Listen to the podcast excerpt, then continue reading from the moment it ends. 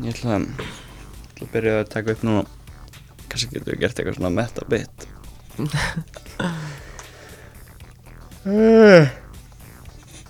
Nei.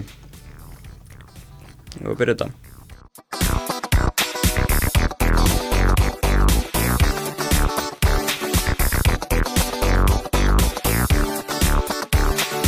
Góðan daginn. Góðan daginn, ég heiti Fannar Guldsson og með mér eins og alltaf er Björn Ingi Baltinsson Já, alltaf. Alltaf stanslust Við erum komin í annan þátt á boltaspjalli.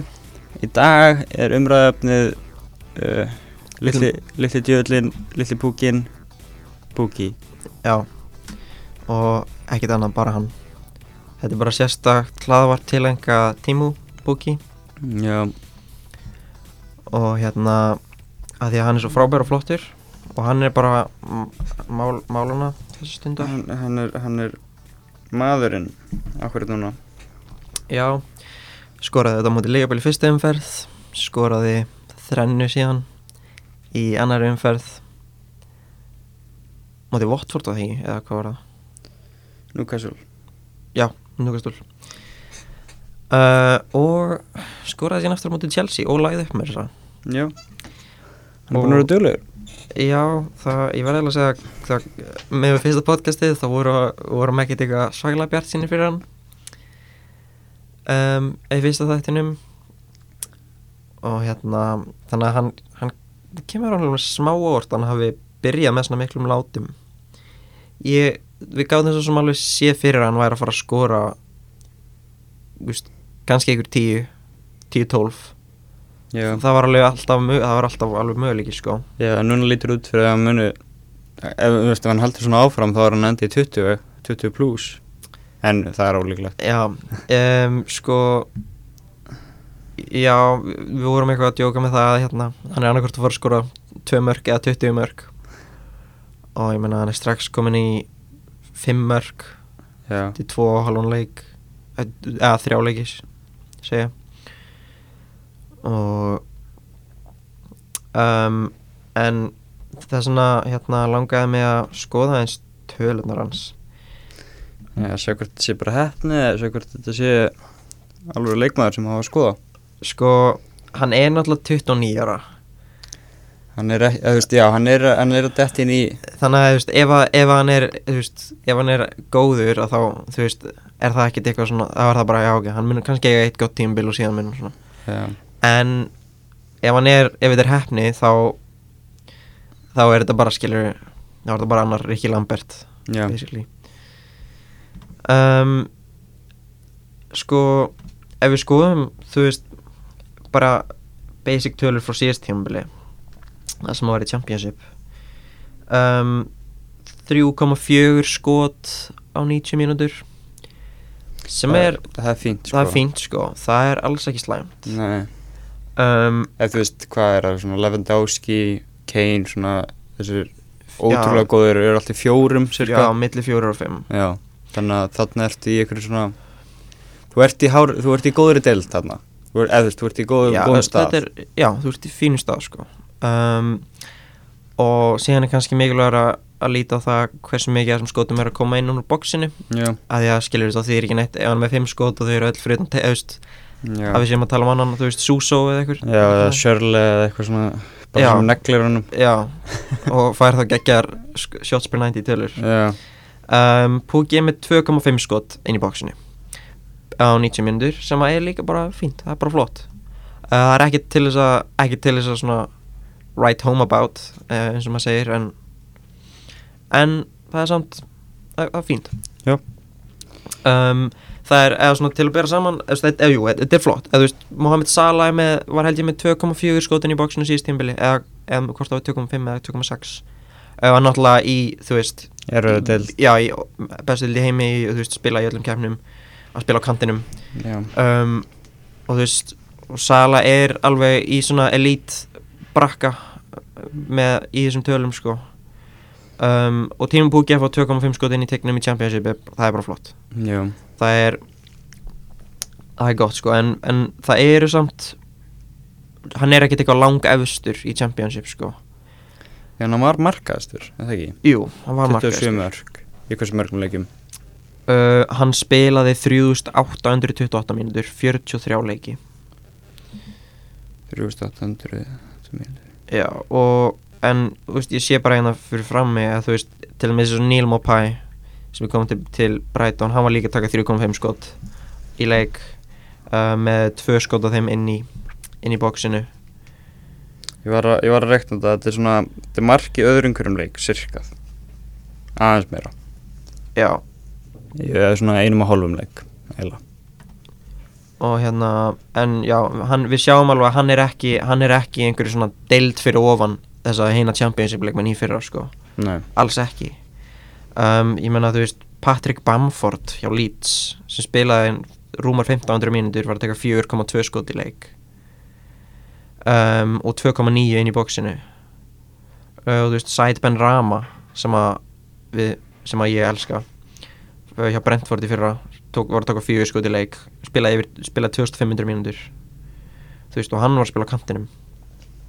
Þannig að við sjáum það að hann er ekki, hann er ekki elite championship leikmaður alls ekki, hann er, hann, hann er góð championship leikmaður já.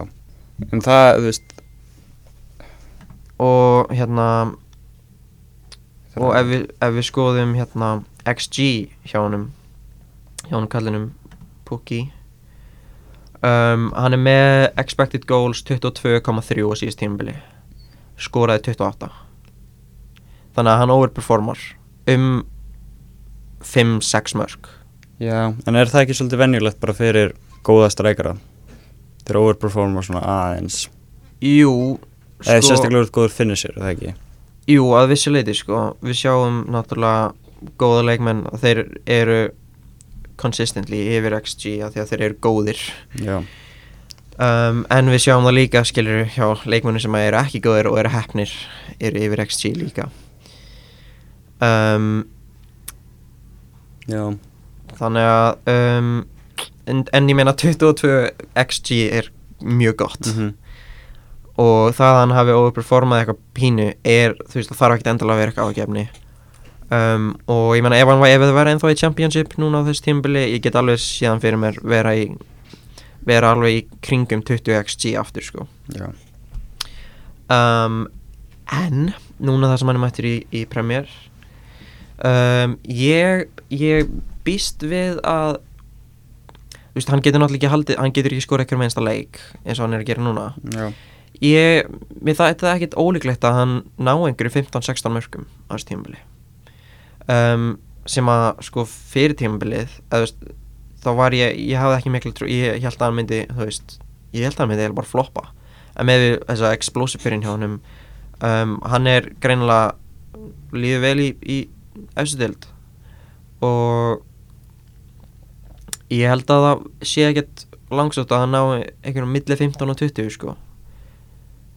En svo getur líka vel verið að hann bara svona stagnæti og endur bara einhverjum 8 og 10 já, það gæti verið, þú veist, mér, þú veist, því ég er að horfa Norveig allavega, ég horfði á hérna, Chelsea leikin, ég horfði á Liverpool leikin, ég náði ekki af Newcastle leiknum en ég horfði á highlights og maður sér rosalega mikið af sókninni fara svolítið í gegnum hann mm og í kringum hann, hann er svolítið svona miðpunkturinn í þessu liði og þannig að mögulega þegar önnur liði byrja að fatta það, herru, Púki stór hættulegu maður.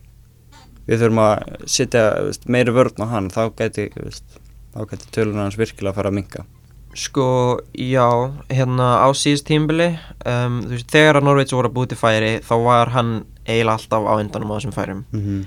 um, og ég meina hann, hann, hann hleyp, hann er duglegur hann er að hlaupa hann er að gera, hann, hann er að koma með hlaup þarna. um, en hann er samt ekkert eitthvað svakalega involveraður í build-up build-upinu sko. Um, eða ef maður er að líta á tölunar og hann er hérna líka einn af, hann er einn af þreima leikmennum hann var einn af þreima leikmennum í Championship á síðust tímbili sem að hérna voru að taka skot með meira en 6% af snertingunum sínum sem er, það er, er tölfræði. Já, það er eitthvað. Um, en já, þú veist, jobbið hans í þessu liði er bara koma sjálfum sér í góða stöður þar sem hann getur finishað vel. Já, og ég menna hann, hann er að skila því. Um, en skilur já, hann er hann er ekki hann er ekki, hann er ekki Olivier Giroud eða neitt svoleiðis skilur í build-upinu. Ekki beint sko. En ég hérna Já Hann er bara, hann er bara púki. Já, hann er, hann er búki Hann er smá púki í honum sko. Mér er slant svolítið áhugavert. Það er eins og hann hafi ekkert átt sérstaklega svona marka háan feril fyrir nefnilega ekki sko. Fyrir en þú veist, jú, hann skorar hérna 55 mörg fyrir Brøndby í Danmarku, það ekki? Brøndby. Já, í Danmarku hann, og hérna í, í 130 leikjum og veist, hann er nú þegar komið 34 mörg fyrir eh, í 46 leikjum. Þannig að hann er alveg að fara að ná því áður en hann kemst upp í 100 ef hann heldur svona áfram. Sko, já, það er nefnilega líka mál með Pukki er að við höfum að, að hann hefur aldrei spilað eins og spilað síðust tímabili í gegnum fyrirlisinn sko. Nei, og ég menna hann er 29 ára núna. Já, þannig að við, við erum bara að sjá einhvern svona Jamie Vardy já, típu, bara, já. mögulega.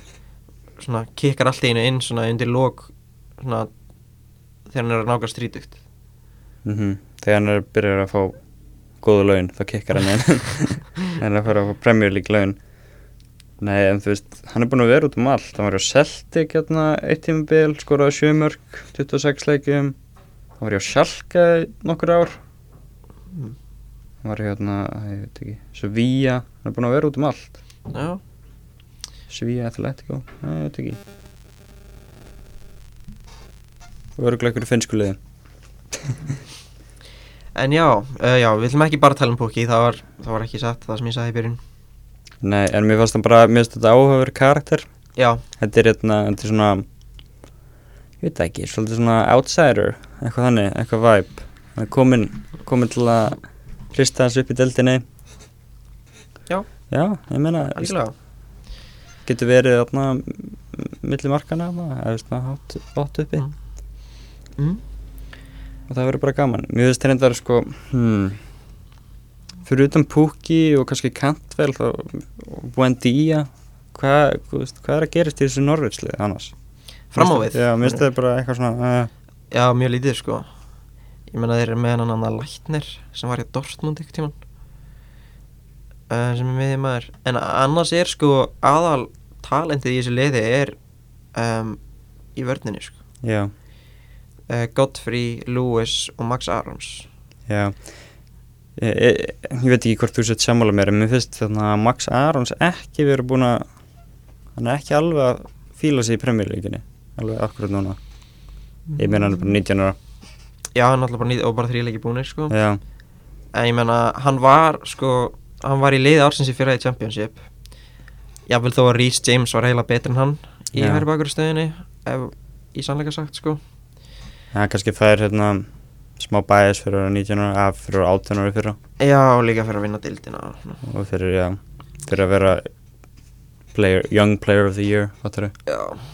Ungi leikmar ásins en, jú, ég held að hann, hann er alveg spennandi sko. Ok, uh, Max Arons en hann er samt ekki hann er ekki kannski alveg þú veist, hann er ekki alveg hæpsins virði svona að öllu leiti en því að þú veist, Rhys James er samt alveg líka hann er 22, 21 eitthvað svo leiðis og var alveg, hann var betri en Max Arons í fyrra sko.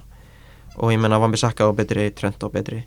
Þannig að hann er ekki, þú veist, hann er í hann er allavega í fimmtasæti á þessum ennsku hægri bakurum sko, ungu. Já, þetta er svolítið svona englendingar langan tíma ekki haft góðan hægri bakvörð kannski Kyle Walker. Glenn Johnson undan honum. Já, og núna þetta inn einhverju fimm góður já. Trippið er líka. Já, og hérna, þessu náttúrulega Maitland Niles sem að er reyndir ekki hægri bakurur en var ókslega góður á hægri bakur í fyrra. Já. Er hann ekki að spila hægri bakvörð núna samt? Jú, hann er búin að vera að gera það fyrstu leikina sko. En hann er, hann er miðmaður sko, hann er ekki hægri bakurur hann er annarkvæmt miðmaður eða svona kann, já. Hann er spennandi líka.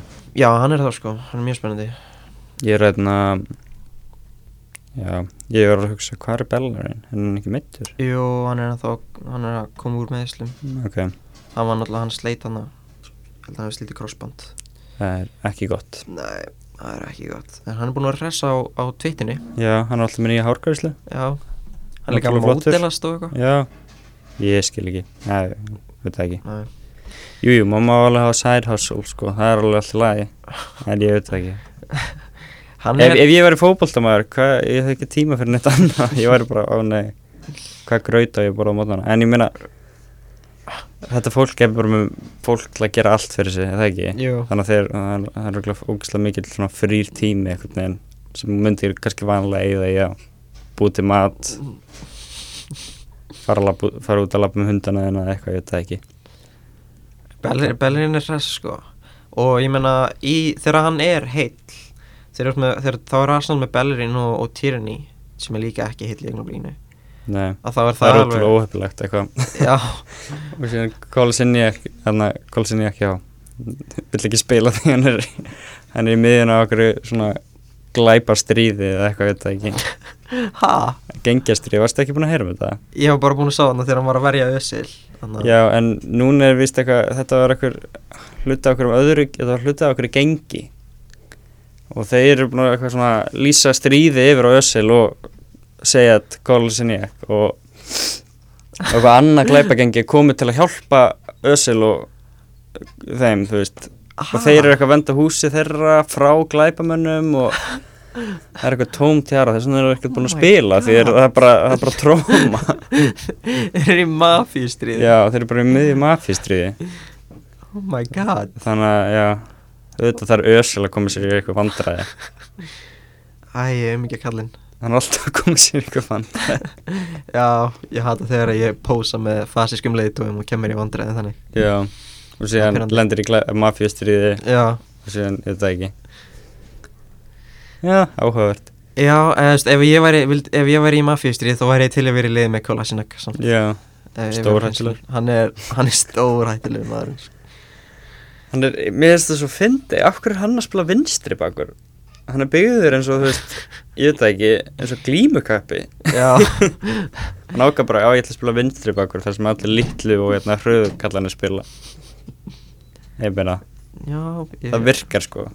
Það virkar fyrir vel. Ég meina hann er ótrúlega öflugur fram á við. Já, er alveg mjög öflugur fram á við sko. en, en ekki, ekki, ekki tilbaka samt.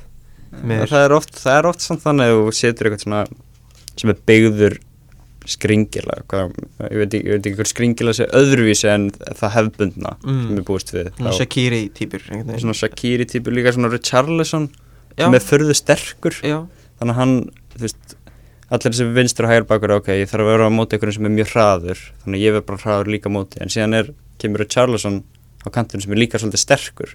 Hann er aðeins sterkar en allir Mhm. bakverði þannig að hann er ótrúlega erfur að díla við stundum. Já já, svona gæjar sem að hérna, þeir eru einhvern veginn svona þeir eru svona hálfgett specimen einhvern veginn. Já, þeir eru eitthvað svona þeir þeir eru bara með ótrúlega öflugan líkama. Já. Það er gaman að já, Kolasinac reyndar er ekki fljótur sko. og Shakiri er einhvern veginn búin að missa einhvern traða finnst mér. Hann var alltaf alveg mjög snöggur. Já. En hann er ekkert eitthvað að taka með hann á sprettinum lengur sko. Nei, hann er eiginlega bara Hann kemur inn á senastu fimm myndum og bara skýtur Skorur óttast Já, gaman að hann Hann er, hann er búinn að vera með, hérna, Shakira Hann er búinn að vera með svona smá dólgi í, í fréttanum Það, Sístu vikur, já, því hann fær ekki að spila. Já. Gott á hann. Ég man að ég væri til að fá að sjá hann uh, Fá mínútur svona uh, að miðsvæðis. Svona, þú veist, það sem að, það sem að Vinaldum og hérna, Henderson eru að taka upp alla mínútunar Ég verði til að fá hann sjá einhverja mínútur þar. Sérstaklega með hann að keita í mittur Já, Og Oxlade er ennþá að koma svona Er ennþá að aðala sig. Já Og ég veit ekki, ég veit ekki, ég veit ekki. Af hverju er hann að spila Lallana frammi líka? Það er útrúlega sérstætt fyrst mér Já, eða sko, Lallana, hann er búin að vera, Klopp er búin að vera að tala um það með Lallana í sumar að hann ætla að spila honum í sexunni. Já, ég veit Að, já, að Lallana er að fara núna að taka upp nýja stöði þar sem hann er bara að fara að vera eitthvað svona djúpur, djúpur, hérna, sópari og eitthvað svona, eitthvað svona Jorginho típa. Ég veit það ekki Það er ótrúlega sérstakt. Já, hverju selur hann ekki bara? Þú veist, og kaupið er eitthvað gæja sem actually gerir það. Okkur dílítar hún ekki bara? Þetta er, já, Lallana. Hann er samt svo góður leikmaður Lallana. Nei, hann átti eitt gott tímpili og við erum búin Æ, hann er samt alveg með, hann er með hæfileika sko, hann er bara, æ, líka mann hans er búin að feila honum. Það er svolítið svona Liverpool sagan ykkur leiti Sturridge, Lana Já Einhverjir. Störrið svolítið lana það er meira Arsenal sagan Já. Já. Sko Störrið náttúrulega reyndar alveg áhuga- áhugaverð áhugaverð saga með hann.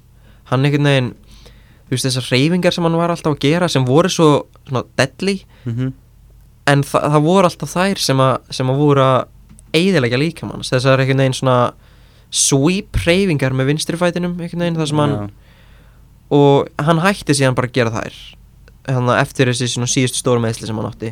Þar sem hann kom sér tilbaka að því að hann var heill allt síðust tímabil. Já, um, hann var bara búin að missa allan hraðan hann gæti bara einhvern veginn hann var ennþá góð að finna sér. Já já. Hann skoraði alveg geggjumörk að það móti Chelsea og eitthvað. Já. En hérna en, en já það var eiginlega því að hann hann, hann gati eiginlega ekki út að hann gati ekki nota beitt líkamann sín með eins og hann gerði að því að það var eiginlega það sem var að fokka hann upp en það var eiginlega líka það sem gerði hann góðan. Já, fyrir utan þetta, þetta náttúrulega finishing ability sem hann var með. En já, við erum búin að fara í svolítið, svolítið random eh, topics. Hérna, leikirnir sem að eru sem eru búin að vera síðustu tværum fyrir það er núna, það er, það er gærdagurinn og síðan síðustu umferð sem Já. búin að gerast síðan að við töluðum síðast. Það er að segja þetta er tekið upp á laugadegi sunnudegi, já, Já, sunnudegi, sunnudegi. þannig að lögudagurinn í gær, lögudagurinn á menninganótt við erum hérna, já það er bara áfkvörð núna er City og Bournemouth að spila. Já, hvað er staðan bæði væg? staðan ákvörð núna fyrir hlustundur er 1-0 fyrir City. Störling Sergio Aguero. En já, um, Leopold spilaði á Arsenal í gær. Uh, Ógislega flott fram með staði á Leopold já, og, Eh, óheppnir einhvern veginn að hafa að samt sko Arsenal hefði alveg átt að skora eitt mark en ekki þetta mark, finnst mér. Já, Peppi hefði getað skorað já, þannig í byrjun. ég held að það, já. En það er bara einhvern veginn svona það fór út í kosmosin, fattaru karmaði kom tilbaka.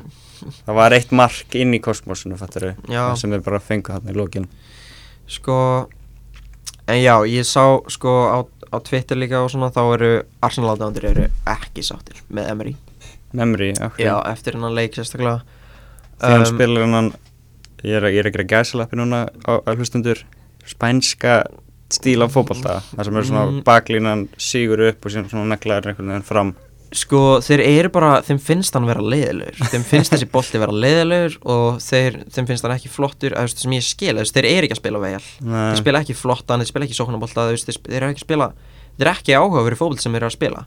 Og ég meina og ég, ég samsíkist alveg aðsannlega að þessu leiti að því að ok, ef þú ætlar að spila ef þú ætlar að spila ljótan og leðilegan bolta þá verður hann allavega að vera effektífur og að vinna þeim eitthvað stig, víst, að actually vinna. Já, en þeir, þeir eru ekki einu svona að gera það. Svona Chelsea hugmyndafræðin. Já, Chelsea, þú veist þessi Mourinho veist, að vissuleiti Conte Já, hugmyndafræði. Það sem að veginn, þú veist mér er alveg sama hvernig við spilum, bara ef við fáum stig. Já, og þú veist, Arsenal er ekki sinni að þú veist, þeir, hvað er í sjötta, já, núna? nei, þeir voru í fymta í fyrra. Já, og þú veist, þeir eru að fara að vera í baróttu fyrir fjóruða þeir fara aldrei ofar en fjóruða núna. Um, og líka, ég veit ekki, veist, ok leiðrættu mig ef ég er rámt fyrir mér. En er Ceballos, er hann svona center attacking midfielder? Ég held að væri bara átt en átt miðjumæður já, hann er sko það er nefnilega það sem að fára, það sem að líka búið að vera að tala um eftir gerðdægina er að Ceballos var að spila sem svona vinstri Já, í gær sem er fáranlegt að því að Ceballos er svona all action miðjumæður mhm. Hann er svona hálgjörur svona einhvern veginn Nabi Keita uh, þar sem að hann er með ótrúlega hann er ótrúlega hæfur uh, dribbler og ótrúlega hæfur tæklari. Já, og líka sástu þarna alla snúningarna sem hann var að gera. Já, Það var geggjað. Já, Móti hverjum var það? móti Burnley. Móti Burnley, hann var ótrúlega skemmtilegur. Ótrúlega góður í þeim leik. En já, það er það sem að Ceballos er að hann er, hann er bara, hann er allt, hann getur gert allt á miðunni hann er, hann, hann er að tækla, hann er að vinna boltan og hann er að fara með hann sko hvert sem hann vil Mhm. og hann er, að, er, hann er með ambitious sendingar og já, hann er bara, hann er ógislega góður. Ég, ég átta mig ekki á því af hverju Real Madrid vildi ekki nota hann af því að þeim vantar miðjumann. Eins og hann ekki, þú veist, jú. eitthvað sem svona mun erfa hlutverki hans Modric svolítið. Já, þeir eru, þeir eru öðruvísi leikmenn sko, en þeim vantar bara einhvern til þess að covera fyrir Já, og Modric er ekki sá leikmaður. Um, just, Casemiro er náttúrulega hana. Mhm. En en þú veist, að basically á þessum tímóti er hann að covera fyrir þá báða og þeir eru bá, og þú veist, Modric er hann eitthvað 33 fjagra Mhm. og, og já, en já, viljum, já, Real Madrid er annað. Um, en Ceballos er ótrúlega góður og hann síndi það á meðan hann var hjá Real hann var með geggjaða tölfræði, hann var með alltaf þú veist, hann var að sko yfir fjórum, í kringum fimm tæklingar á 90 minni, tackles and interceptions.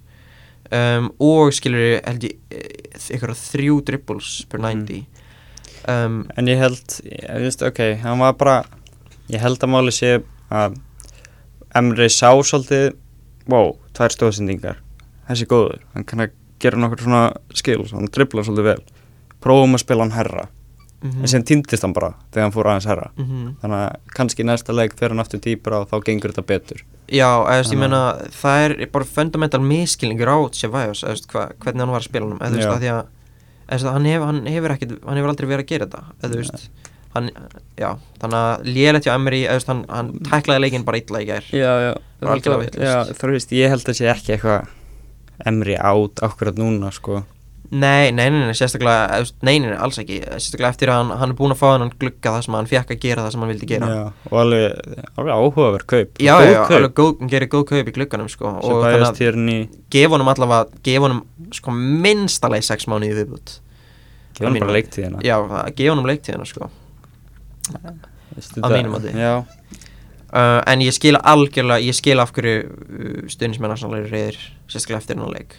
Um, sko ég sá líka ykkur tölfræði að í þessum fyrstu þrejum leikjum sko Arsenal eru búin að vera þeir eru búin að vera sérst outshot í öllum leikjunum. Þeir eru með Mhm. sko einhverja mínus mínus 22 held ég í sérst skota hlutfalli. Eða það er náttúrulega þýðir ekki neitt. Mhm. En, það, en það er samt þá sérðu hvað þeir eru sko sóknin er að þeir ekki að, að delivera það er náttúrulega ekki, það er ekki hæfileika vandamáli þeir eru með ókslega mikla hæfileika fram á við en þeir eru ekki að spila góðan sóknum alltaf og vörðin náttúrulega hefur aldrei verið sterkleiki Arsenal. Nei, styrkleiki Arsenal þannig að eh, á, á ný, veist, nýlega. Já síðustu, Eh, síðustu nokkur ár. Síðustu árum. Um, þannig að sko þú veist Burnley tók ykkur átján skot á mótið þeim sko. Og ég Já. meina Liverpool voru 25 held ég í gær sem er alltaf ótrúlega mikið. Um, þannig að það er ég meina Tierney er ekki enda komin Bellerin er ekki komin þú veist Louise er, er að aðlast og Louise er svo mikill svo mikill kjáni. Ég, ég, ég, er ég er ekki alveg að skilja kaupin en þá ég, skil hugmyndafræðin að hann er hann er það besta sem þeir gátu fengið nei, Sko, kannski ekki veist, mér líst ágætlega á þessu kaup. Mér finnst, veist, fyrir 8 miljonir fyrir David Lewis Aha. uh, hann er árin 32-30 sko reyndar. Hann er, hann er, hann er farin eldast. sko. Alvarlega sko. Og, en ég menna David Lewis fyrir 8 miljonir hann getur, hann getur sko sko fyrir það minnsta þá hann getur hann contributað í, í eitt tímabil í viðbútt hann, hann er búinn að vera vannmetinn hálf vannmetinn sko uh, á tímið sem hjá Chelsea hann er búinn að vera að spila ógislega vel. Hann alltaf, það veit allir að hann er með ótrúlega góða sendingahæfni. Mm Getur- og hann er freka góður hérna, Já. hann tekur alveg góður aukaspyrnum stundum ekki gær. En hérna, ég held bara hann er svo mikið klaufi.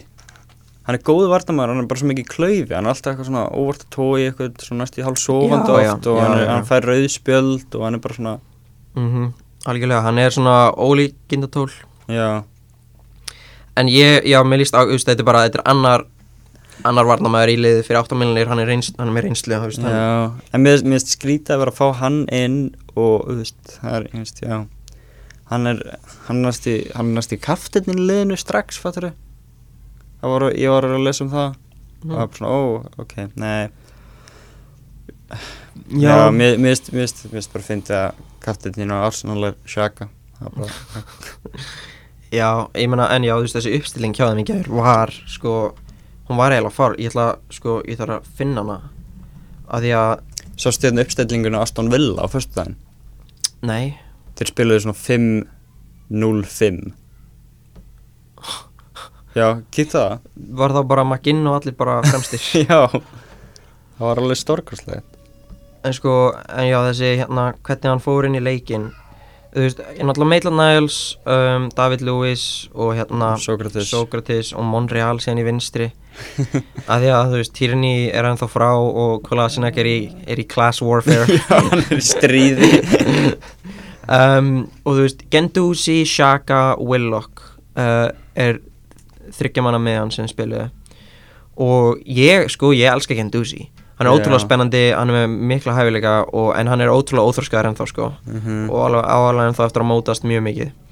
En hérna, en að spila þessari þryggjamanna miður, Gendouzi, Xhaka og Willock sko, Xhaka er ekki eins, sko, þráttur það sem margir halda hann er alls ekki varna sinnaði miður maður. Nei, hann, hann er, getur ekki varist. Hann er bara svona ógeðslega, hann er svona lélegri útgáfa ha, ah, ég veit ekki, ég ætla bara að segja hann, eina sem hann gerir er að senda. Já, það er eina sem hann er góður í. það er eina sem er góður í. Hann er ekki eins og ótrúlega góður í. Og það er svolítið að vera ótrúlega góður í einhverjum einum hlut. Sko, hann er ég myndi alveg segja hann, hann er alveg, hann er ógislega góður sendingamæður að mínum að Alveg, hann er ótrúlega, hann er ótrúlega hæfur í sendingamæður. Og en máli er að hann er bara svo slappur í öllu öðru að það eiginlega, justifyir það ekki sko. Já, þessi, all, allir þessi góðu sendingamenn gegnum tíðina, þú veist, Xavi og, og þessi menn, þeir hafa alveg verið ótrúlega góðir í ótrúlega mörg öðru. Eða þú veist, Já. þú getur ekki verið með gæja sem er bara ógislega góðu sendingamenn og getur ekkert annað. Ég, ég er að hugsa sko um Pirlo.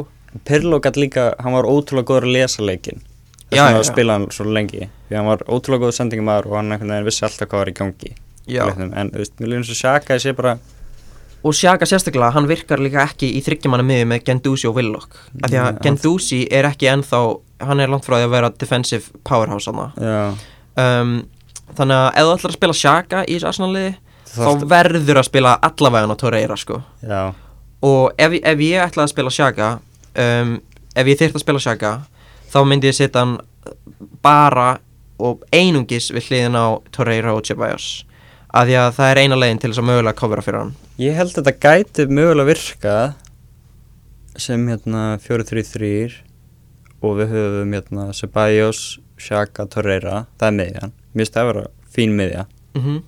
og af hverju ekki bara hafa laga sett inn á? Já, okkur er lagasett ekki ná Þú veist, hann spilar, hann spilar front þrýr af Ceballos, Pepe og Aubameyang. Já, og óskiljanlegt, algjörlega óskiljanlegt af hverju hann er ekki með Pepe, Aubameyang og, lag, og lagasett og Ceballos á miðjunu í staðin fyrir Willock eða, Já. þú veist, Gendouzi eða bara Shaka, þú veist, droppa Shaka, Shaka þarf ekki að vera þarna. Þú veist, ég myndi, ég myndi allan tíman velja Özil yfir Shaka þegar við erum að velja eitthvað svona leikmann sem er svona, svona, svona luxury leikmaður sem við erum að, að spila til að covera fyrir. Mhm. En já, Özil er, er, er í þessu stríði greinilega líka að um, En já, þeir eru út að velja svona luxury leikmann eins og Xhaka og Özil sem er ógislega góður í einhverjum, einhverjum ákveðnum hlutum en það þarf að covera fyrir það hennar varnalega séð þá velur Özil allan daginn. Það Já. hlýtur, að gera það, sérstaklega í svona stórum leikjum. Og ég menn það sem Özil býður upp á er miklu, þú veist, alveg, alveg miklu öflura heldur en það sem að Xhaka býður upp á. Já, en það er bara einhvern veginn Jössil einhvern veginn, hann bara hann er svolítið búinn einhvern veginn hann er bara svona nennir ekki. Það verðist vera að hann er einhvern veginn áhugaðlaus sko Já. en hæfileikendur hans eru, það er ekki hægt að kvestjuna þá sko. Óumtilenlegir Já, algjörlega óumdælulegir og hérna, en já, þannig að þeir En eru að spila Shaka og, og Gendouzi og Willock, þetta er mjög, þetta er bara óþróskað hjá honum finnst en mér. hvað hva finnst þér um á hverju er hann ekki spila Mkhitaryan líka um, Mkhitaryan sko, þegar hann spilar þá klikkar þetta oft saman sko. Hann, Hann- býður ekki upp á neitt en hann svona hann bara svona veginn liði byrjar að spila betur, veit ekki, kannski til að covera fyrir hann eða eitthvað. Já, ég veit, sko, mikið tarinn er fýll leikmaður til þess að eiga. Svona til Já. þess að covera, þú veist, ef, já, veist, hann, hann getur verið þarna. En ég meina, ég skil svo sem alveg af hverju hann ennir ekki að vera að eigða mínúndum í hann þú veist, hann er þrítur og hann er ekki að bjóða upp á mikið um, þannig ég myndi frekar að gefa Willock mínútur heldur en Já, en eða Emil Smith Rowe. gefa honum lagasett mínútur ég er að meina. Já. það er er, það er fáralegt að Lagasett byrjar ekki að Lagasett er sko náttúrulega Aubameyang hann er örgulega mikilvægst maðurinn út af að hann skora bara alltaf. Já. en Lagasett er, hann er svona Firmino í Já. Arsenal. Þú, atna, þú spilar hann veist, næst því sem bara kam Já, Þetta er bara center forward sem hál- svona já, dreifur til sín, fals, fals, falskur, þú veist, falsk nýja. Já, Eða, þú ert með atna, já. að því að hann er, sko, Lagasett er ekki jafngóðu markskorur á Aubameyang. Um, en hann er miklu betri í hérna linkupinu. Já, Þú veist, og hann, hann er með mjög gott hérna, defensive contribution. Já. Og hann byrjunni, hann lætur þetta leið tikka. Mm Þannig að ég, já. Una Emri Þú sér það ekki en ég er að benda fingurinn á þig Skam Já, þú fær F í einhvern fyrir hennar leik hvernig þú hendlar hennar leik. Þú fær, þú fær binga á fannar mínustig Já, seal of disapproval Já. frá okkur. Þú fær, þú fær stránglega orðað tölvup Já, þú fær mínus 20 bolta í þróttasteg Já. Um, um, Já, við getum þá, þá Klopp að fínn. Arsenal. Klopp, náttúrulega bara eins og hann gerir hann, hann tæklar Arsenal. Sala, Sala, þú fær, þú fær 20 pluss bolta í þrjóttastegi Þú Já. ert flottur í þessum leik. Já, Sala maðurleiksins, algjörlega. Já. Ógisla flott mark Já. sem hann skoraði, fárlega vel gert. Um, Adrian? Oh my god, í byrjun þegar hann bara allt í einu ætti út þarna Já. og bara Ég veit ekki, og, og, og móti, næstu klest á Virtual Van Dijk eitthvað? Já, ég veit ekki hvað hann var að pæla. Ég þóla ekki þegar Liverpool spila með einhvern annan markmann en Alisson. Já, Það, bara virkar ekki. Hann er eini markmann sem virkar í Liverpool. Sögu Leopolds fyrir það Peppi Reina Peppi Reina, Alisson Jujek Jesse Dudek Æjú, það er endur alveg fínin, fínin kallar hann inn á milli Vesterveld og einhverju svona grobbelar og einhverju svona brandar, brandarkallar Brandara kallar.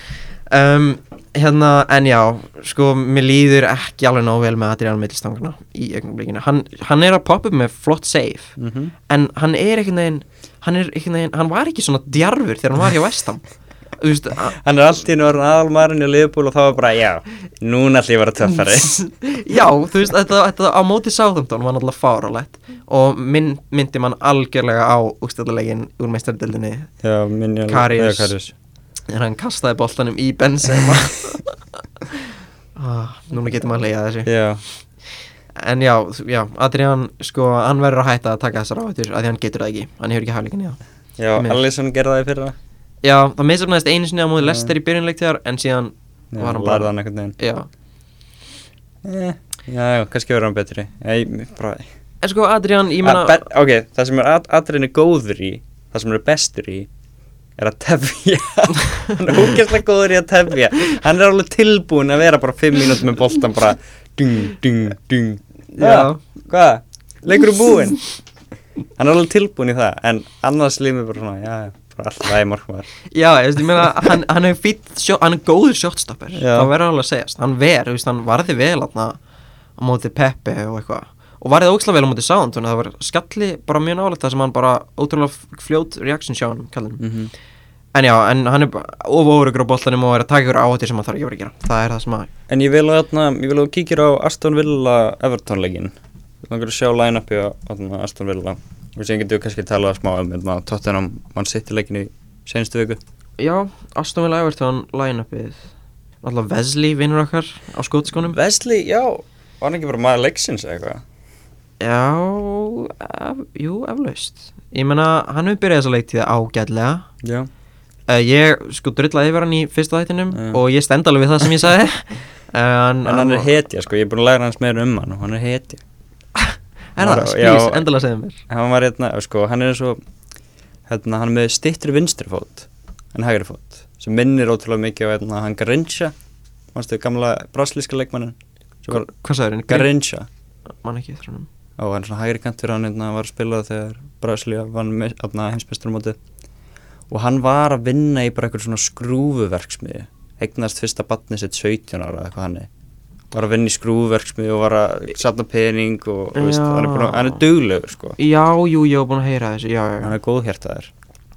Já erfitt, erfitt hérna upp já, Erfitt uppbygging hjá hann Maður sjá, hérna er byrjanlega hjá þeim Hítón í markinu. Sko, ég, ég fæ nú bara fjórir Já, fjórir, einn, fjórir, einn. 4-1, 4-1 já, ok. Það er frekar skrítið samt í nútíma fólksta Já, get, getur verið sem þetta sé bara einhvern veginn skrítið visual dót hérna hjá sér hérna, að þú veist. En sko ég sá þetta í gær alltaf þá var þetta svona 4-1-5 Sko, já, ég meina Douglas Lewis í djúpum og síðan McGinn og Grealish fyrir ofan hann uh. Trezeguet vinstra megin, Jota hægra megin og Wesley upp á topp. Ok, það meikar sense. En ég hérna já, alltaf þeir voru miklu betur en Everton í þessum leik Já, Everton er ótrúlega uninspiring. Marco Silva er ekki eins góður og ég held að hann væri upp þegar hann var kom upp með, með Hull eða þú veist þegar hann var að, hérna, reyna að bjarga höll og kom fyrst svona fram á sjónaspilið þar Mhm. tók við Watford og átti ykkur góða nokkra mánuði þar hann er samt, sko, hann hefur ekki ennþá geta sínt að hann kunni að skipilegja varn, varnarleik En samt eru þeir, hvað, flestar þarna, clean sheets eftir mann sitt á þessu ári. Já, reyndar sko, það er reyndar satt ég skal gefa þeim það en, en, en ég meina, Þú bara vilt ekki viðkjanna. jú, hann, hann er ekki hann er ekki hann En ég, já, eitt sem ég ætla að nefna líka, ég held, ég held, mín kenning er svo Gunnar Solskjær kann ekki ráða upp varnalínu. það er reyndar alveg það er ekki, um, ekki umdelt skoðun sko Já, eða þú veist, ég horf á mannjuleikin og ég sé það bara spila, þú veist, þeir spila bara eitthvað beinalínu, þú ekki, ekki láréttalínu, heldur eitthvað lóðréttalínu, fattar ég, ég komi sér alltaf úr stöðu og, en þessi víti hjá þeim þeir þurfu ekki að fara að æfa þessi víti já, fyrst þau ætla að fá víti í hverjum einasta leik að þá verður það að geta skorað þig já, ég meina, æ, ég, nenni ekki að tala um mannjú. Nei, eiginlega ekki þú þeir töpuðu bara í gær, Já. var svolítið eitthvað neginn, en ég veit það ekki. Já, eða Crystal Palace eru ekki búin að vera góður ástu í, í byrjun Nei. leikjaðar og ég hef ekki Þeir best áttu sér fyrir eftir það að skora.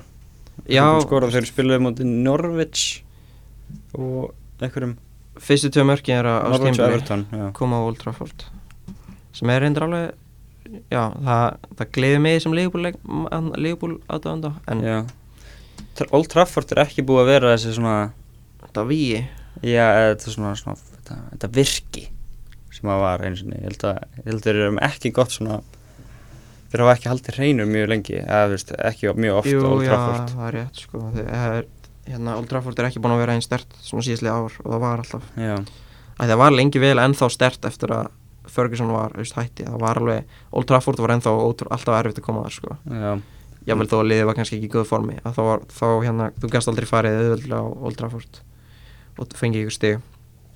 En núna síðast liðið ár um, þannig að þegar Mourinho var og eftir að Solskjær tók við að þetta er ennþá þú getur alveg farið á Old Trafford og þú veist barist og náði Mhm. stig sko.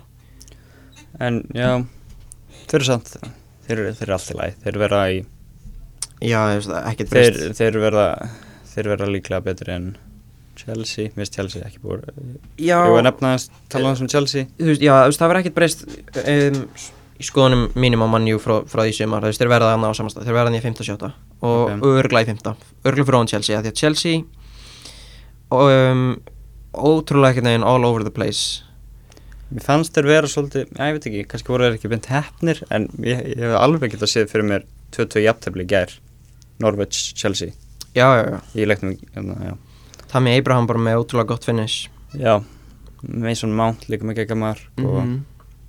Ég meina, já, það er alveg augljóst að Mount er uh, góður, eða ekki og hann á að byrja Jú. leiki frekar en Barkley. Já, sko ég myndi náttúrulega byrja Ruben Loftus Cheek ef ég gæti það en hann er, meitt, hann er meittur Já, en hann er ekki, er Rúben, Lo- hann er ekki beint svona hann er betur en þeir allir sko það er, það er alveg, er alveg hreinu sko og, um, okay. En sko Mount sko ég held að við megum ekki láta þessa fyrstu leiki blekja okkur með Mount. Að hann hann er búinn að skora í síðust tveim leikjum það er rétt sko og hann er svona, svona líflegur um, þegar maður horfir á hann spila. En sko síðast tímbili á Darby hann var ekki eitthvað framúskarandi sko, alls ekki. Hann var, hann var ótrúlega góður þetta tímbili átna í Hollandi. Já, hjá var ekki tventi jú, ég held að eða, eða Alkmaar, ég manna það ekki. Um, en síðan kom hann til Derby og það var svona, það var alveg upp og niður hjá honum. Um, en þú veist, Harry Wilson var til dæmis betri en hann hjá Derby. Og hérna um, og það Mount Olva ennþá eftir að sína að, að hann verði einhver starter hjá Englandi sko, langt í frá sko. Hann alveg ennþá eftir að sína það að hann, að hann muni verði eitthvað svona stjarnar en ég menna líflegur í fyrsta leikjunum kannski heldur hann í áfram. ég held að hann muni, þú veist, hann endur ekki meir en sjö mörgum á stímili, það er, það er það sem ég held Ég ætla að vera ósamanlegar, hann er í fantasy-liðinu mínu og hann er að fara að skora 20 mörg hann er að fara að vera með 15 stöðsendingar og já, Nei, ok, mér finnst hann mjög góður markaskorari. Mér finnst hann alveg, við erum með góðan skot, skotfót og mér finnst hann góður sendingamæður mér finnst hann bara svolítið vera tindur í leiktum í ger hann fór einhvern veginn út á vinstri kant var svolítið tindur þar. Ef hann er meira central þá held ég að hann sé betri. Já, það er rétt sko, það er rétt En já, veist, hann er náttúrulega, veist, hann er bara fættið 99 Hann, Já. hann verður bara tvítur á þess ári. Þannig að, ég meina, ef hann er að skora þessi sjö mörg sem að ég held að hann fari mögulega upp í þá, þá er það flott, það er bara, það er gott. Og þá er hann að sína að, ég hann allavega að vera góða leikmaður. Uh, en sko ég hef samt, ég hef, í augnablikinu þá hef ég ekki trú að hann sé næsti þú veist, hann er ekki næsti Lampard. Í augnablikinu. En uh, ég meina, það gæti allt gerst uh, vonandi á hann aftur að sann sem er á stímuli Heru, Ertu til að kíkja eina tölfræði fyrir mig? Já. Áður við kannski tölum aðeins um hérna, City og Tottenham inn í lokin. Mm hérna, ertu til að sjá hvort Pukki sé búin að skora fleiri ennsku úrvalstættarmörk en að Alexis Sanchez fyrir mannjú ég held nefnilega hann sé búin að gera það. Alexis Sanchez. Já, mér finnst það líklegt sko Alexis Sanchez er búinn að skora þrjú úrstættamörk fyrir Manchester United. Pukki 5 Já, þannig að hér höfum við það gott fólk. Pukki er betri en Alexis Sanchez hefur nokkuð tíman fyrir já það, er, það er það eina sem við getum fengið út úr þessu. En þessi, þessi Tottenham City leikur Hann var ógæslega skemmtilegur. City voru ógæðslega góðir. Þeir voru Mjög fimm óöfnir sinnum betri en Já. Tottenham. Mjög óöfnir á ég meira sem að segja bingi ég ætla að segja þetta í fyrsta skipti. Segðu það. Sex sinnum betri. Holy shit. Þeir voru, já, ég verði eiginlega að vera samlæðir Sko, ég var með hérna XG tölunar úr þessum leik. Þar voru, þar voru ótrúlegar. Um, sko já þeir hérna City Spurs um, Manchester City 3,3 expected goals Tottenham 0,2 já. Og bara til að setja þetta í smá svona samhengi þá var hérna það var sitt í mjög jafn mörg mörg á móti, eða mörg skot á móti Tottenham og Tottenham var með á móti Aston Villa. Þannig að þú veist Og Tottenham voru alveg að sko skjóta þú veist, Kane á með ykkur 10 sko tel ég á móti Aston Villa. Já. Þú veist Þannig að já, Það sé- að- fólk er að tala um ok, hérna, okay ma- mann sittir ekki á toppum akkurat núna. Þeir eru ennþá besta lið þeir eru besta liði þeir eru bara, Og við erum bara liðbúlaðandur já við erum alveg tilbúin að viðkynna það. City eru besta lið í deildinni og það er alveg, það er alveg munur á milli Liverpool og City. Já. en ég er samt ekki að segja að það það þýðir eitthvað, það getur allt gerst. Já, krakkar, ég, krakkar. ég meina Liverpool, ég verðum í fyrsta sæti. Já, veist, þeir sem eru að hlusta, allt getur gerst. Ég meina Púki getur skorað 5 mörg eða hann getur skorað 20 við sjáum bara til. Sko, en já, Tottenham ég meina, flott fyrir það að fá stig út, útilegur á móti erfiðasta leikur leiktíðarnar með- eða kannski eftir það er alveg hægt að gera case fyrir það að þessi erfiðar að koma á Anfield heldur en á Etihad. Um, Anfield er allavega er sögulega meira virki alveg og meira þess að á Guardiola tímum að þá er Anfield mikið virki, já, já. en, en Etihad, það gleymist svolítið Etihad það sé erfiður staður til að fara á Já, þegar maður heyri nafni Etihad Stadium það, það Já, hljómar ekkert eins og eitthvað svona, já. Já, náttúrulega pælingin er svo alltaf að, já, eh, mann í ná aldrei að fylla upp völlin þeirra og þeir eru ekki áttándur og þetta er ekki alveg sögufræktlið Já, en völlurinn, það er erfitt að fara að spila þarna. Þeir eru ógeðslega góðir. það er er eru bara ógeðslega góðir. Það er bara, já, og þeir eru já, En já, ég meina, já, Tottenham fór stig hérna um, ég var, ef ég verið Tottenham aðdæðandi var ég svo ógeðslega ánæður með þetta þú veist, þessi leikur er búinn og við fengum stig. Já, ég þú- það var eiginlega ekki hægt að vona eftir neinu betra. Um, og ég meina, ég held að spörsa eftir að tapa heimaleiknum móti City, sko. Örugglega- það? Já, eða, með, við það, með við þetta, sko. Eða, þú veist, já með okkur City eru ógeðslega góðir. Ég með, já, eða bara, já, Tottenham þarf kannski bara að finna sig aðeins meira. Þeir eru með fullt af nýjum gærum hann á Já, miðjunni já. og þetta Já. áttur að klikka allt svona saman og við veitum ekki ennþá alveg hvort Eriksson sé farin eða ekki. Já, og já. Örglega, örglega ekki. Nei, ég held að er, ég held að er selja ekki held, Eriksen, já, sko. ég finnst það svolítið seint. Ef þeir myndu selja Eriksson núna þá er þessi leiktið þá eru einhverjar vonir sem þeir hafa um að challengea Liverpool og, og City þar eru farnar. Já. Því hann er svona hann er ótrúlega mikill leikil, leikmaður í þessu liði. Algjörlega sko. Þú veist, alveg jafn mikið og Kane og e, sko reyndar, ég get alveg spilað Devil's Advocate alveg fyrir ykkur auðvitað með það að því að Pochettino við höfum síðan, hann getur aðalega liðis hann hefur, hann er með þessa hæfilega eins og, eins og Pep. Það sem hann bara, það er eitthvað vandamál hann tæklar það og hann aðalega liðis nýjuleik stíl. Mhm. eins og hann gerði á síðustu leikti með miðjuna því að miðjan var ekki til á síðustu leikti Já, bara Sissoko, þú ert miðjan. Já, Sissoko með verri leikmunum í top 6 leðunum það verður að En hann virkaði svo Já, vel. virkaði svo vel út af, út af Pochettino Já, um, og ég meina já þannig að Pochettino ma maður bakkar hann maður bakkar hann til þess að láta miðjuna virka. Ég meina þegar, þegar Eiríksson er farin þá ertu með Deli Alli, Lo Celso og Endon Bele já, ógeðslega góður leikmenn. En ég meina en Eiríksson er samt í, nú, í núverandi kerfinu er hann það sem að lætir þetta tikka og ég meina ef hann fer þá þurfa að láta eitthvað annað tikka og ég meina maður bakkar alveg Pochettino til þess að þú veist. Ég meina Lo Celso virkað í einhverju svona dæmi eða ekki? Í Sóknar svona miðmaður. Sko jú. En Eriksson er meira að spila á vinstri er já Lo Celso Vinstri, veist. Lo Celso er, er svo ógislega góður í svo mörgu að maður, maður vil eiginlega ekki nýta þetta Eriksson hlutverk. Um, og sama með Alli. Þannig að já, hann þyrft að breyta alveg hlutum hann inn á miðunni Ok. ef Eriksson færi en hérna Tölum maður sum þetta aftur en hann leik Hverju skoruð, það? Var Störling Það var Aguero, það ekki? Og Kevin De Bruyne með stóð- stóðsendingar já, Lamela skoraði. Lamela, ókvæsla flott mark Minnum mig. Já, flott mark sko. Og svo hann hann var ekki Lukas Múra með skalla. Jú, minnsti maðurinn Lukas Móra já, minnsti fasistinn líka á vellinum En hérna að hana, Og síðan náttúrulega skorar Hesulsson í lokin Og Aha. það er dæmt af. Já, réttilega, eða veist Já, já, já, já, réttilega. Það er, það tekið varið og það er dæmt af. Sitt í, sitt í aðdándur eitthvað aðeins að pyrra sig yfir því? Já, Bara eitthvað svona Fótbolti er búinn. Það er ekki hægt að fagna lengur.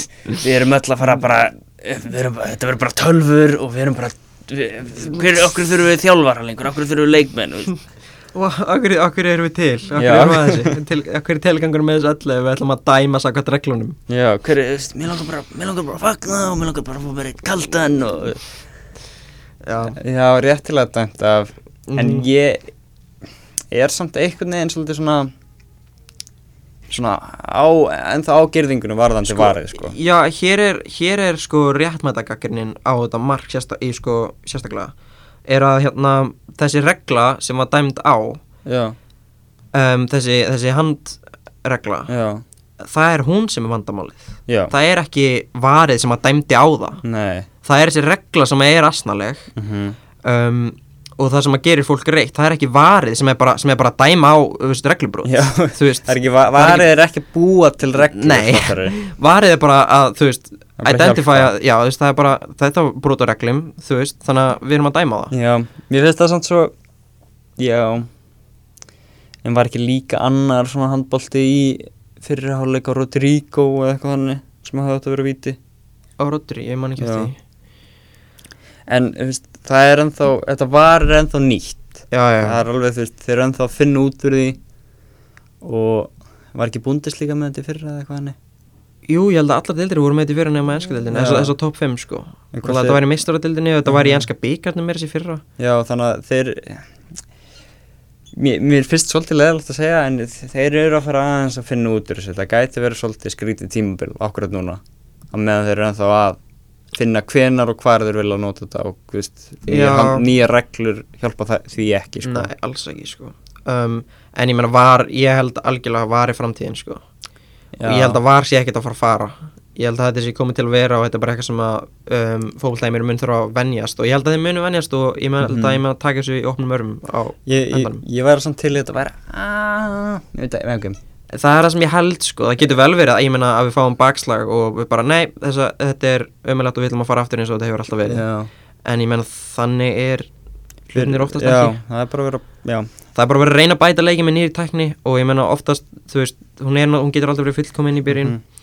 og fólk þarf bara að venjast að hára fótboltan aðeins öðruvísi heldur en hann var. Já, mér finnst já ég væri til í að þetta væri aðeins hraðara eitthvað en ég veit þetta er instant, þetta er oftast oftast er þetta bara, næ, þetta er svona þetta en oft kemur þessi replays, þessi löngu replays og þeir eru tvær Já. mínútur, þrjá mínútur bara eitthvað svona. Já, og allir leikmenn eru bara "Ah!" hvað er að gerast? Ég er svo reyður þetta er fáranlegt pappi verið brjálaðir þegar það er eitthvað svona, þú veist, tveggja mínúna að stoppa og reyna að finna hvort það var að dæmi eitthvað. Ótrúlega fyndi í gæðir þegar voru að hraðspólar ég voru að horfa á þetta. Þarna horfa á Arsenal Liverpool og þá var að vera hraðspóla í gegnum varið. Mm. þetta er krúllegt en ég skil alveg að okkur fólk eru pyrraði yfir því. Já, ég meina, það hefur samt allt, það hefur alltaf verið hluti á leiknum að, að það eru einhver svona stopp. Leikmenn meiðast, þú veist skiptingar, það er við höfum allt alveg sérstaklega þegar fólk, þegar fólk er að meiðast og þegar fólk er að, þú veist, liggja á veist, eins og leikmenn gera það, veist, nú, taktíkst að þá henda þessir í jörðina og segja höfumeðsli, höfumeðsli og þá þarf, einhver að sparka boltanum út og við þurfum að býða og tjekka. Ég meina, alls konar einhver svona tafir sem að tefja leikin og tefja hraðan hafa alltaf verið hluti á leiknum. Já, og ég meina, núna er, núna er að bætast í önnur töf sem er var, Mhm. sem, að er, sem að getur oft ekki 2-3 mínútur. En þe- þessi skilabóð fari út til allar fótboltabullur allar þessar fótboltabullur sem eru að reyðar yfir svo vari. Mm. hugsi bara um þetta. Núna verða fótboltaleikin er eitthvað lengri. Þeir, já, það bara, Já. bara, meira auka tími bara Já. minni tími. Meir, meiri tími fyrir framann, framann sjónvarpið. Minni tími fyrir fjölskyld þannig að þið bara meina, það eins og viljið já það er að vera þakkláttu fyrir það, fyrir suma. Já. En ég meina Kevin De Bruyne er nokkuð góður.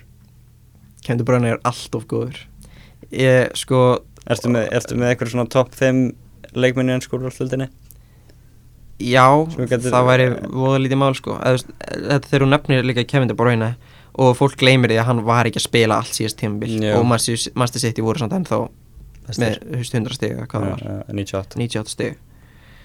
Og ég menna, já, þú veist Kevin De Bruyne er auðveldla í topp 5 leikmennum í deildinni.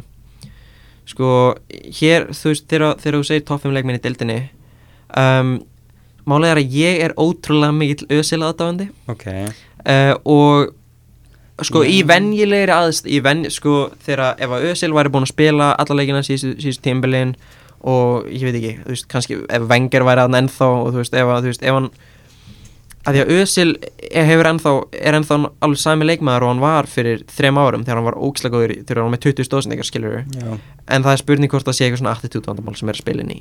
En ef allt væri venjulegt skilur þá myndi ég setja Özil í top 5 já. Ég ég hendi út topp 5 bara mjög Já, snjölt gerðu það. Snjö- já, snjallt. Mjög fljótt. Snögt. Snögt. Þannig að þetta er engri röð. Ég held að sé þar engri röð. Bara Salla, Van Dijk mm, De Bruyne, Störling bara einn yfirbót. Já, hvað er með eitthvað? Kanti Kanti? Já. já. Ég held að það sé sangja Þetta, ég held að þetta sé sangjart sko. Eriksen, Kane er eitthvað þar þarna? Já, náttúrulega Kane. Já, Aubameyang líka? Það er svo, já. Ég, já, ég myndi, ég myndi setja Ég myndi setja De Bruyne, Sala Ég myndi þetta eru, þetta eru bestu leikmennir í stöðunum sínum í rauninni, er það ekki? Mm -hmm. Að Störling, veit ekki. Ef við segjum að Störling sem vinstri kantur Það er auðvitað auðveldra að velja bara best 11, þú veist, gera lið. Já, við getum kannski gert það setna ef fólk hérna hefur áhuga á því. Mm en hérna En já, það eru, það eru þá flest liðir eru búin að spila þrjá leiki og þetta lítur ótrúlega skemmtilega út. Brighton eru ógislega áhugaverir þeir eru, þú veist, fengur rautt spjald? Já, Florin Andón með eitthvað fáralega tæklingu. En þú veist, ég meina, en þeir eru unni 3-0 þarna í fyrsta leiknum og síðan töpuð þeir á móti Sáðamtón Sáðamtón búin að vera óöfnir svona fyrstu tvo leikina á móti, á móti Leopold og, og ég man ekki, en þeir, þeir, já, þeir grútuðu held ég 3-0 þarna á móti Burnley í fyrsta leiknum, var það ekki? Jú, Burnley er að vera skuggalega góður. Það er bara fakt. Sko, reynda það er eitt sem ég vil taka fram þar er að ég fór ekki fögrum orðum um Ashley Barnes Já, í fyrsta þættinum en sko, ég hef svona smá kynnt mér það og hann er, hann er alveg góður. Hann er, hann er ekki, hann er ekki einhver svona djókari sem að er að skora mörg bara eitthvað í ykkur, þú veist, hann er ekki Jonathan Walters sem er einhvern veginn bara svona lappar, svona lappar á mörg einhvern veginn, Já. eða svona það sem hann svona skorar óvart einhvern veginn. hann er, hann er að hann er góður, hann er að, fyrir já, hann er að vinna fyrir þeim. Þannig að það er, það er alveg hægt að vera með verri strækir hérna í þessum bottom 10 liðum heldur en Asli Barnes, alveg Já. Um, en já Brighton, ótrúlega, hérna, ótrúlega spennandi að fylgjast með þeim, þeir verða eins og, eins og við, hérna, eins og ég held að það verður, það verður mikið að mörgum með þeim og það verður skemmtilegt að fylgjast með þeim. Já, þeir ætti bara að spila Neil Mopay oftar. Já, hann er ókslega góður. algjörlega Glenn Murray, ég vil eiginlega ekki gefa honum mínútur. Eða þú veist, hann, hann er hann er bara svo mikið svona legend eitthvað. Já, já, já, það er algjörlega. en ef, mm, ef að þeir alltaf hérna taka þetta lið hérna, taka þetta lið enn í framtíðina að þeir verða að gefa hinu leikmunum mínútur. Uh, Andón, Neil Mopai þeir verða að fá mínútur um, að mínum mati. Skoraði Che Adams í ger í Southampton uh, Nei, uh, eða jú, það getur verið ég manna það ekki, ég manna Redmond skoraði held ég. Okay. Ingsa með stóðsendíku og eitthvað vondi fyrir Che Adams að Já, hann er flottur. Che Adams, hann er líka einn af þessu leikmennum eins og hérna svona Sebor Richarlison, hann er svona beefcake eða hann svona Já. hraður, sterkur að díla við hann. Svona, já já, ég meina þetta er svolítið svona ég veit ekki, nú erum við komin í klukkutíma. Já. hérna ég vil aðeins að kíkja bara á ég er með hérna hugmyndum eitt varstu búin að sjá tweetið hans Jeremy Clarkson? Já, annað er að hann var eitthvað að tala um Mattisson Já. Já, æ, Æ, grei kall. Jeremy Clarkson einn af okkar verri mönnum hann er náttúrulega Á, ok, þú veist, hann gerir Top Gear. Það er alveg legendary stuff en hann er bara ekki góð maður. hann er ekki góð maður. Hann er alls ekki, hann er eiginlega alltaf verst hann, hann er svona representar eiginlega alltaf versta sem að bresk menning hefur upp að bjóða. Já, ok, fyrir utan bíl, eða ég menna þú veist, ég ætla ekki að vera að drulla yfir þú veist, bíla menningu eða bílakalla. Ég vil þó að, ég, ég tengi mjög lítið við það en ég sé samt fjörið bak við það já, já, ég sé mjög mikið hvað hva er gaman við að kunna mikið á bíla og já, og ég sé algjörlega líka af hverju bílakallar elska þessa þætti, þetta eru frábæri þætti fyrir þá.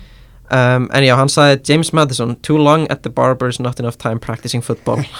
Og síðan hérna já, er, hann er Chelsea átándi er það ekki, Jeremy Clarkson. Jeremy, uh, vá hvað það er típist ég held nokkuð vissum að getur þú googlað það? Já, En hérna, þannig að Jeremy Clarkson, ég held hann sé langtíma Chelsea aðtandi sem er mjög típist, ég held hann sé þarna á Norður London. Og hérna hann gæti verið Leicester aðtandi, ég veit ekki já, hann er Chelsea á hann er Chelsea aðtandi en hvað hva er hann að kommenta á James Madison, var hann ekki maður leiksins í þessum leik líka?